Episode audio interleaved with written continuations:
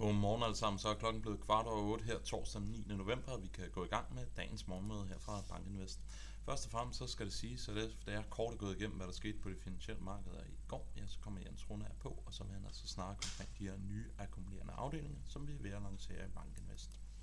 Jeg fortsætter min reklamestrøm for i morgen. Ja, der kommer Mikkel Rosenvold på efter morgenmødet, og han skal altså snakke omkring de her geopolitiske brandpunkter. Han kommer fra Steno Research, så jeg er sikker på, at vi kan se frem til en rigtig, rigtig sjov og interessant præsentation. Så endelig, hør med på morgenmødet efter i morgen.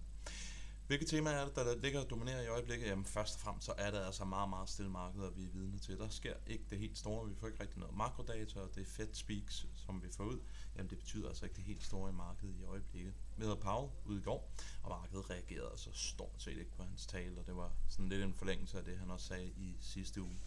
Når det er sagt, jamen så er det altså 8. dag i træk, at S&P 500 det stiger. Jeg kommer lidt tilbage til det øh, senere i præsentationen, men det er faktisk en relativt lang periode. Og samtidig med, at aktier stiger, jamen, så ser vi altså også nogle relativt store fald i, øh, i de lange renter i USA i særdeleshed. Slide nummer 5, S&P 500, jamen det fortsætter altså bare med at stige. Vi begynder at få lidt luft ned til det 50-dage glidende gennemsnit, så isoleret set, så det er jo positivt. Fokuserer vi på de lange amerikanske renter, jamen i mandag så steg vi 7 punkter, så faldt vi 7 punkter i går, eller i forgårs, og så faldt vi altså også syv punkter i, i går. Så øh, syv, det er altså åbenbart det magiske tal i øjeblikket for de lange amerikanske renter. Det var altså, som sagt, det vi faldt i går. Og så sagde jeg indledningsvis, at vi er stedet øh, 8 dage træk, og det jeg viser på den her graf, det er længden på perioder, hvor at amerikanske aktier ikke er faldet. Så i øjeblikket så har vi altså haft 8 handelsdage i træk, hvor at vi ikke har oplevet en negativ dag. Vi skal hele vejen tilbage til øh, den øh, 5. november 2004 for at finde en øh, periode, der er længere end det, og der steg vi altså 9 dage i træk. Hvis vi skal hele vejen tilbage og finde en periode, hvor vi overstiger 9 dage i træk med stigende aktiemarked, jamen så snakker vi altså noget 1995. Så det er lidt en illustration på, at det har været sådan en relativt øh, stabilt opsving, vi har haft siden starten af sidste uge, hvor aktier stort set bare er steget øh, hver dag. Hvis vi ser på de her Magnificent 7, de store amerikanske teknologiaktier, jamen så er der vist også bare at konstatere, at de stadigvæk klarer det godt. I går der var det op med en lille halv procent mål ved Bloombergs Magnificent 7 Index, og det markerer altså den 9. dag i streg, hvor de ligger og stiger. Hvis vi ser på det aggregerede indeks, uden jeg har taget kraften med, jamen så ligger vi altså meget, meget tæt på at sætte nye all-time high rekorder for det her.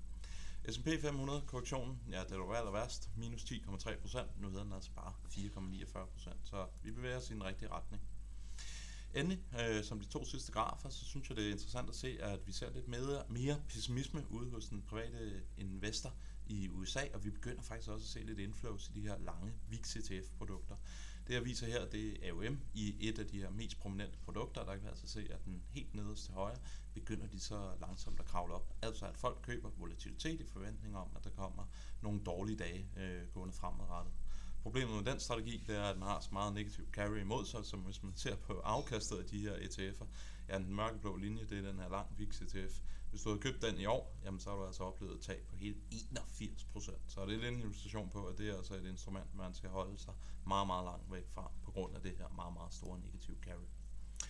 Den sidste markedsgraf, jeg har taget med, ja, det er olieprisen, for den ligger altså falder ret signifikant. Vi er altså i den grad gået i bunden igennem de niveauer, vi havde før, at Hamas indledte sit terrorangreb på Israel, og vi ligger altså nu og ser en oliepris, der er i hvert fald målt på VTI'en, lavere end det niveau, som vi så op igennem august måned. Så alt andet lige, så er det altså positivt, fordi det fjerner altså noget af det inflationære pres for den globale økonomi.